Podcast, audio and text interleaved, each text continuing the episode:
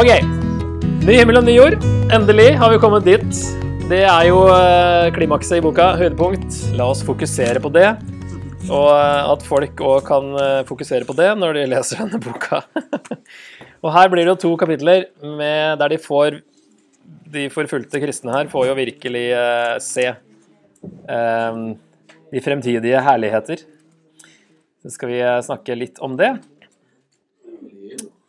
Eh, det første vi mm, spør oss, er jo, og det har vi jo snakka om før, tror jeg, men eh, jeg så en ny himmel og en ny jord. For den første himmel og den første jord var borte, og havet fantes ikke mer. Eh, spørsmålet er jo da, og har jo vært, om det er en erstatning, som nå kan høres ut som i 2. Peter 3.13. Det har jo spesielt vært såkalt evangelikal teologi siden tidlig 1900-tallet. Dette at eh, denne jorda skal forgå. Eh, vi skal bare vekk herfra. Det henger sikkert sammen med opprykkelsessynet også. Og så skal Gud skape en ny jord som vi skal bo på. Eh, alternativet er jo fornyelse, som andre bibelvers eh, ser ut til å Ja, her får jo en, del gamle navn, da, som har snakka om det, helt fra slutten av 100-tallet med Ireneus og utover her. Cyril av Jerusalem, Jeronimus, Augustin, Krysostom, eller Krysostomos, Gregor den store og Aquinas og generelt middelalderens teologi, Luther og kalvinistene. Det er jo, jeg vet ikke, jeg husker ikke helt hva, om det var Calvin og de første kalvinistene, siden det står liksom forbindelse med Luther. Det er vel ikke sånn at absolutt alle kalvinister til enhver tid må mene det. Men i Apostelens gjerninger 3 så snakker Paul, nei, Peter om eh, alle tings gjenopprettelse. Og det samme snakker Paulus om i Romeren 8, om at eh, skaperverket lengter etter å bli fornya. Eh, fra liksom, forbannelsen og forgjengeligheten. Sånn at det er jo ting som kanskje, eller vers som kanskje kan høres ut som at det er en ny og at det er en erstatning, så er det andre vers som balanserer det litt. Og det kan faktisk være nyttig å se på de greske ordene som brukes her, eller det greske ordet, kainos, for det er et annet gresk ord som er neos. Det har vi jo ny, ikke sant. Men kainos er også et ord for, uh, for ny. Og i ordboka jeg slo opp det i går kveld, så sto det at neos denotes the new primarily in reference to time, the young or recent, mens kainos denotes the new primarily in reference to quality, the fresh and unworn. Så hvilket ord tror dere brukes her? Kainos. Det er riktig. Oi! Det er kainos som brukes her, eh, og da er det mulig ut fra språket, eller ordet òg, å tenke at det er en fornying, en, en ny kvalitet. En ja, fornyelse. Så det gir jo mest mening, syns jeg òg, ut fra helbibelsk bilde, at det er det samme skaperverket som har kommet under en forbannelse i Første Mosebok 3, og som her her finnes det ikke lenger en forbannelse, står det i 22.3. At her blir det løfta, forbannelsen tas bort, og alt, er, eh, alt blir nytt. Eh, masse GT-referanser her òg, som dere kan uh, kikke på hvis dere vil. Um, ellers så tenkte jeg bare ta med en liten note til. Um, ok, Vi må nesten lese avsnittet her, for det er jo veldig flott, det som står her. Fra vers 2, da. Og jeg så den hellige byen, det nye Jerusalem, stige ned fra himmelen, fra Gud, gjort i stand og pyntet som en brud for sin brudgom. Og jeg hørte fra tronen en høy røst som sa, Se, Guds bolig er hos menneskene. Han skal bo hos dem, og de skal være hans folk, og Gud selv skal være hos dem. Han skal være deres Gud. Han skal tørke bort hver tåre fra deres øyne, og døden skal ikke være mer. Heller ikke sorg eller skrik eller smerte, for det som en gang var, er borte. Han som sitter på tronen sa, Se, jeg gjør alle ting nye. Og han la til, Skriv det ned, for dette er troverdige og sanne ord. Så sa han til meg, Det er skjedd. Jeg er alfa og omega, begynnelsen og enden. Jeg vil gi den tørste og drikke av kilden med livets vann som gave. Den som seirer, skal få dette i arv, og jeg vil være hans Gud, han skal være min sønn. Men de feige, de vantro og vanhellige, de som myrder, driver med hor og trolldom, avgudsdyrkere og alle løgnere, deres plass skal være i sjøen som renner med ild og svovel. Det er den annen død. Eh, og de feige Jeg tenkte bare å nevne det, da. Fordi eh, det ordet, samme ordet brukes som frykt i Matteus 8,26, eh, Markus 4,14, Johannes 14,27, og kan derfor forstås som de som ikke tror. Der brukes det som en kontrast til tro, da. Fordi frykt er det motsatte av tro og tillit. Selvfølgelig, i denne boka så kan jo de feige og liksom være de som ikke har tørt å, å si, stå opp mot eh, forfølgelsen og gitt etter, da. Men eh, det høres jo litt sånn Vi har liksom medlidenhet og sympati for de feige ofte, ikke sant? men her er det nok litt mer Det står jo i litt dårlig eh, sammenheng her, da. Det er liksom ikke bare å være litt eh, skremt og redd, men å være feig, kanskje da ikke ha tro. Neste ord er jo vantro, så det kan jo være en slags synonym til det. Ok, dette er jo som sagt det største og flotteste, mest detaljerte bildet i boka. Og det kommer jo helt på slutten. Det har bygget opp til det. En ny himmel og ny jord, og så er det da to kapitler om hvor flott det blir. Eh, og så kommer det nye Jerusalem ned fra vers 9. Og eh, til egentlig ut eh, kapittelet blir det. Og her ser dere ikke noen ting. Nei, den er helt borte. Det skal være en kube i bakgrunnen der, men den er ganske svak. Men det er jo her vi har um, Altså, byen er som en kube som kommer ned. At den er um, like lang og høy og like lang, bred og høy. Og så er det masse tollere her. Det er tolv porter, tolv engler, tolv stammer, tolv grunnsteiner, tolv navn, tolv apostler, 12 000 stadier. 12 ganger 12, 144, alen og 12 perler. Formen, da, her er den. Formen på kuben på byen, er 12 000 ganger 12 000 ganger 12 000 stadier i vers 16. Bygd som en firkant. Det er ganske masse. 12 000 stadier er ganske mye. Ja. Eh, likevel kanskje ikke stor nok til å romme alle verdens kristne gjennom eh, alle tider, hvis det, sku, hvis det skulle tas bokstavelig. Det er en svær kube, det er det, som kommer ned. Men er det bokstavelig en kube vi skal bo i? Hva er det eneste, an, annet, eh, det eneste andre objektet, eller rommet, i Bibelen som har form som en kube? Det aller helligste. Det gir meg god grunn til å ikke tolke dette som en bokstavelig kube som skal bo i, men at det er eh, eh, Guds nærvær som kommer ned. Eh, det som bodde i det aller helligste. Her kommer denne kuben som var det aller Altså, det, aller helligste kommer ned. Eh, samtidig som det er eh, At byen er bruden, som er menigheten. Men det er fordi Gud bor der. ikke sant? Det aller helligste bor der. Det sies jo tre ganger i vers tre her. Guds bolig er hos menneskene, han skal bo hos dem. Gud selv skal være hos dem. Understrekes gang på gang der. Endelig skal Gud bo hos menneskene igjen. Så himmel og jord, Gud og menneskene, er endelig gjenforent igjen etter første Mosebok 3. Det er en lang historie med adskillelse. Og så er det mange ting fra Edens hage som hentes opp igjen her, da, og som, eh, som på en måte oppfylles og, og gjenopprettes. Vers 22. Noe tempel så jeg ikke i byen. Hvorfor ikke? For Herren Gud, den allmektige, og lammet er dens tempel. Og byen trenger ikke lys fra sol eller måne, for Guds herlighet lyser over den, og lammet er dens lys. Altså, den herligheten, Guds nærvær, er lyset. Så tempelets funksjon som møtested mellom Gud og mennesker er oppfylt, og Guds herlighet, som var i det aller helligste, og lammet, er byens lys. Her tas lammet med hele veien i det som hører Gud til. Samme trone, og de får samme lovsang i kapittel 15. Og eh, her er det Gud allmektig og lammet er dens tempel. Guds herlighet lyser over den, og lammet er dens lys. Så her er lammet på, virkelig på linje med Gud. Eh, brud, hvor kommer brudebildet fra, håper jeg? Helt tilbake. Eh, første Mosebok 2, når Gud innstifter ekteskapet der.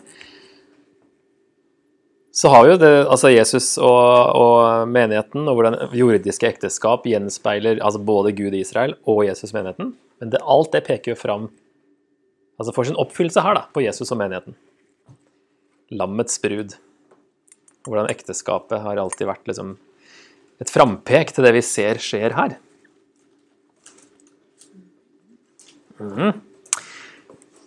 Så kommer vi til kapittel 22. Livet på den nye jord. Engelen viste meg nå en elv med livets vann, klar som krystall. Den springer ut fra Guds og lammets trone. Midt mellom byens gate og elven står livets tre, fritt til begge sider. Det bærer frukt tolv ganger og gir sin frukt hver måned. Og bladene på treet er til legedom for folkene. Det skal ikke lenger finnes noen forbannelse. Guds og lammets trone skal være i byen, og hans tjenere skal tjene ham. De skal se hans ansikt, og de skal ha hans navn på sin panne. Natten skal ikke være mer, og de skal ikke ha bruk for lys av lampe eller av sol, for Herren Gud skal lyse over dem, og de skal herske som konger i all evighet. Så her har vi en elv med livets vann. Hvor har vi den fra? Hvor, hvilken profet? Esekiel 47. Og ånden også, så når Jesus eh, snakker om levende vann, ikke i Johannes 4 og Johannes 7, så er det jo at eh, alt det her vannet som jeg har sett i mange av profetene, så mange av profetene slutter med masse vann, som er på en måte da framtidig, eller frampek, symbolsk frampek mot at Den hellige ånd skal en gang bli gitt til alle, og som igjen peker fram på dette her. At eh, når vi kommer hit, så skal livet være ved ånden. Livets tre er jo da igjen innenfor rekkevidde for menneskene her. Det er jo første gang det liksom er synlig igjen. Har vi vært nevnt noen ganger i noen ordspråk og litt sånn. Og tidligere i boka her, men her er liksom endelig tilbake. Så man kan kalle elva her og livets tre kanskje for den nye jords mat og drikke. Det er dette vi skal leve av. Eh, spise av livets tre og leve ved ånden.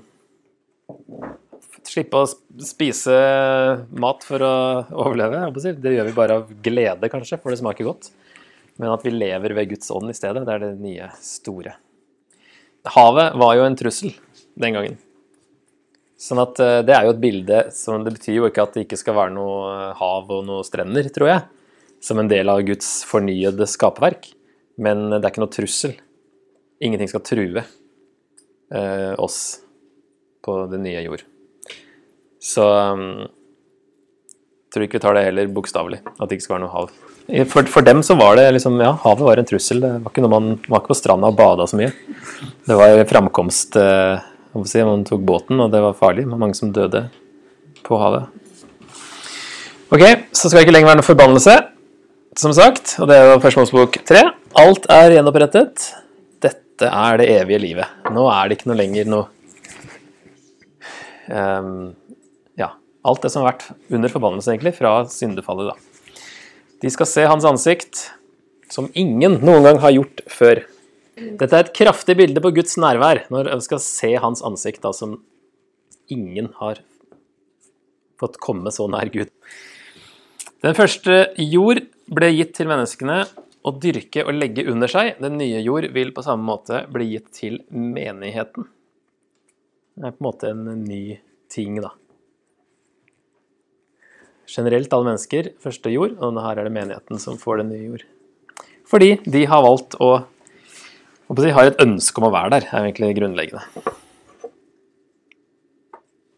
Og på veien dit så um, har jo ting starta. Ta med et lite sitat her av N.T. Wright, som sier at Christian ethics is about practicing in the present the tunes we shall sing in God's new world. Så når Jesus kommer med bergprekenen, så er det på en måte endetidsetikken som han introduserer allerede, som er på et mye høyere nivå enn eh, jordisk etikk. Eh, og at vi kalles allerede nå til å leve etter den sangen vi skal synge i evigheten. Eh, og som på en måte er Guds ønske og intensjon da, med både Moseloven og med ja, det Jesus har kommet med. Så det er på en måte en forberedelsestid, da, kan vi kalle dette livet her. Og at vi prøver å praktisere det som vi skal holde på med i all evighet. Siden nye livet har begynt. Vi har fått evig liv allerede. Vi har fått den første oppstandelsen, den åndelige oppstandelsen. Fått Den hellige ånd, som da til slutt så skal Den hellige ånd gi liv til alt. Så har jeg en siste sånn sammenligning her mellom GT og Johans åpenbaring. Når vi kommer så langt som dette her, så er det også masse ting som hentes opp. Esekiel slutter jo med 'Byens navn er 'Herren er der'. Johannes' åpenbaring sier at Guds bolig er hos menneskene.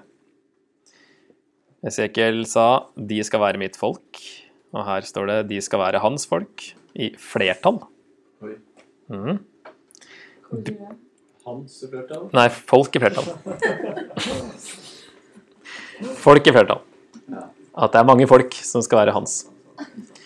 Byen er kvadratisk i eh, slutten av Esekiel, og her er byen en kube.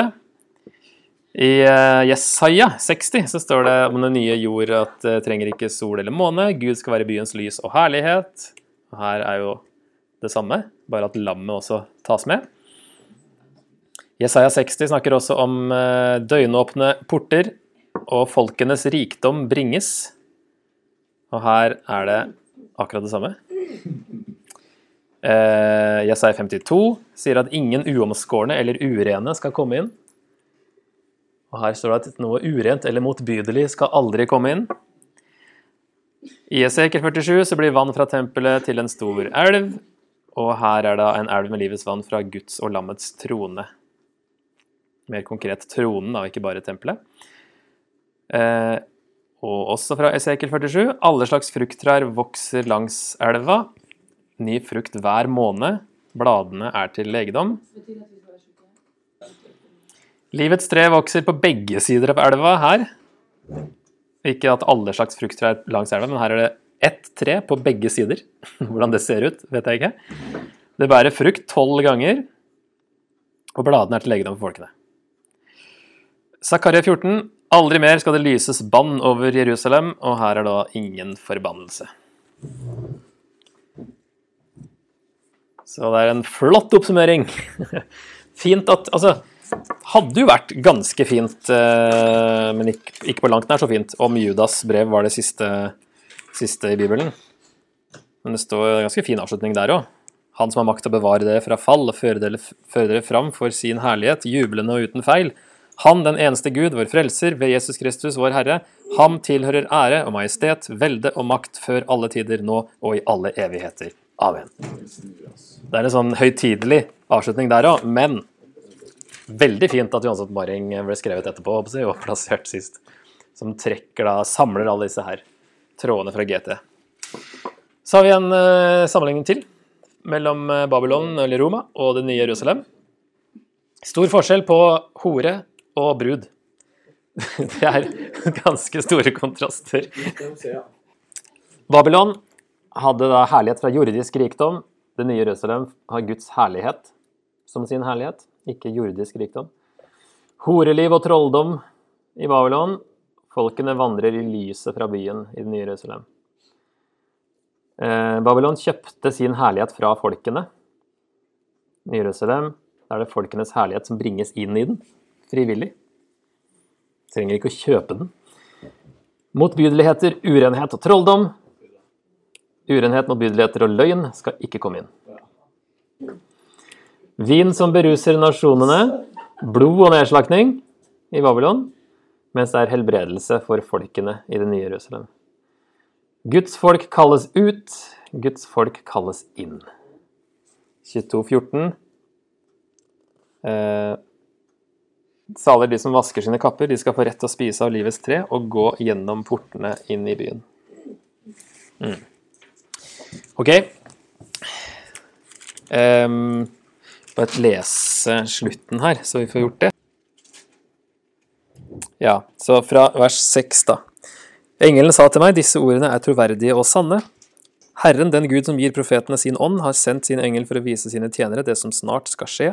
Og se, jeg kommer snart. Salig er den som tar vare på de profetiske ordene i denne boken. Og så, eh, foran vers 10, beskjed om å sette ikke seil for de profetiske ord i denne boken, motsatt av Daniel, som sa, fikk beskjed om å sette seil. Dette gjelder senere. Men nå skal han ikke sette seil, for tiden er nær. Dette gjelder nå. Eh, og så vers 12. Se, jeg kommer snart, og lønnen jeg vil gi, har jeg med meg. Jeg skal gjengjelde hver, etter en, hver og en etter hans gjerning. Jeg er alfa og omega, den første og den siste, begynnelsen og enden. Det er jo tre parallelle uttrykk der, da. Eh, og så var det de som eh, Salige er de som vasker sine kapper, skal få rett til å spise av livets tre og gjennom portene inn i byen, men utenfor er hundene og de som driver med trolldom. Eh, jeg, Jesus, har sendt min engel for å vitne om dette for dere i menigheten. Jeg er Davids rotskudd og ett, den klare morgenstjernen. Ånden og bruden sier 'kom', og den som hører det, skal si 'kom'. Den som tørster, skal komme, og den som vil, skal få livets vann som gave. Jeg vitner for enhver som hører ordene i denne profetiske boken. Om noen legger noe til, skal Gud legge på ham de plagene som det er skrevet om i denne boken. Og om noen trekker noe fra ordene i denne profetiske boken, skal Gud ta fra ham hans del i livets tre og i den hellige byen, som det er skrevet om i denne boken. Han som vitner om dette, sier, Ja, jeg kommer snart. Amen. Kom, Herre Jesus. Herren Jesu nåde være med alle. Det er bare fint å få med det her siste er eh, Han sier han kommer snart, det har han sagt ganske lenge. Men den herre Amen, kom, Herre Jesus, det er jo det herre Maranata. Betyr vel 'kom, Herre Jesus' på arameisk. Um, men her er altså selv etter Altså, vi skal ikke være redd for Jesu gjenkomst. da, ikke sant? Her 'kom, herr Jesus', ja, kom. ikke sant? Og bruden og ånden sier 'kom'. Det er egentlig det vi skal si. Og ikke bli skremt til å si 'ikke kom'. ikke kom ennå. Jeg vil helst bare dø vanlig før du kommer, fordi det er så mye fælt som skal skje, liksom. Eh, det, er, det skal være et positivt, eh, flott håp. Og at vi alltid skal ønske og rope 'kom'. Kom og fiks verden. Eh, veldig fine oppsummeringer på neste side her nå. What if I told you that the point of the book of Revelation was not to point to the future, but to point to Christ? Der har vi bomma mye. Snakk bare tenkt på dette gjelder framtid og blitt skremt, men det handler om Jesus. Og så en eh, like bra en. Imagine if our Christian view of the end times was centered on preparing for Christ rather than an antichrist, centered on the mark of the Lamb rather than the beast, centered on preparing for redeeming the earth rather than escaping it, centered on hope rather than fear. Imagine om vi hadde hatt det fokuset i stedet.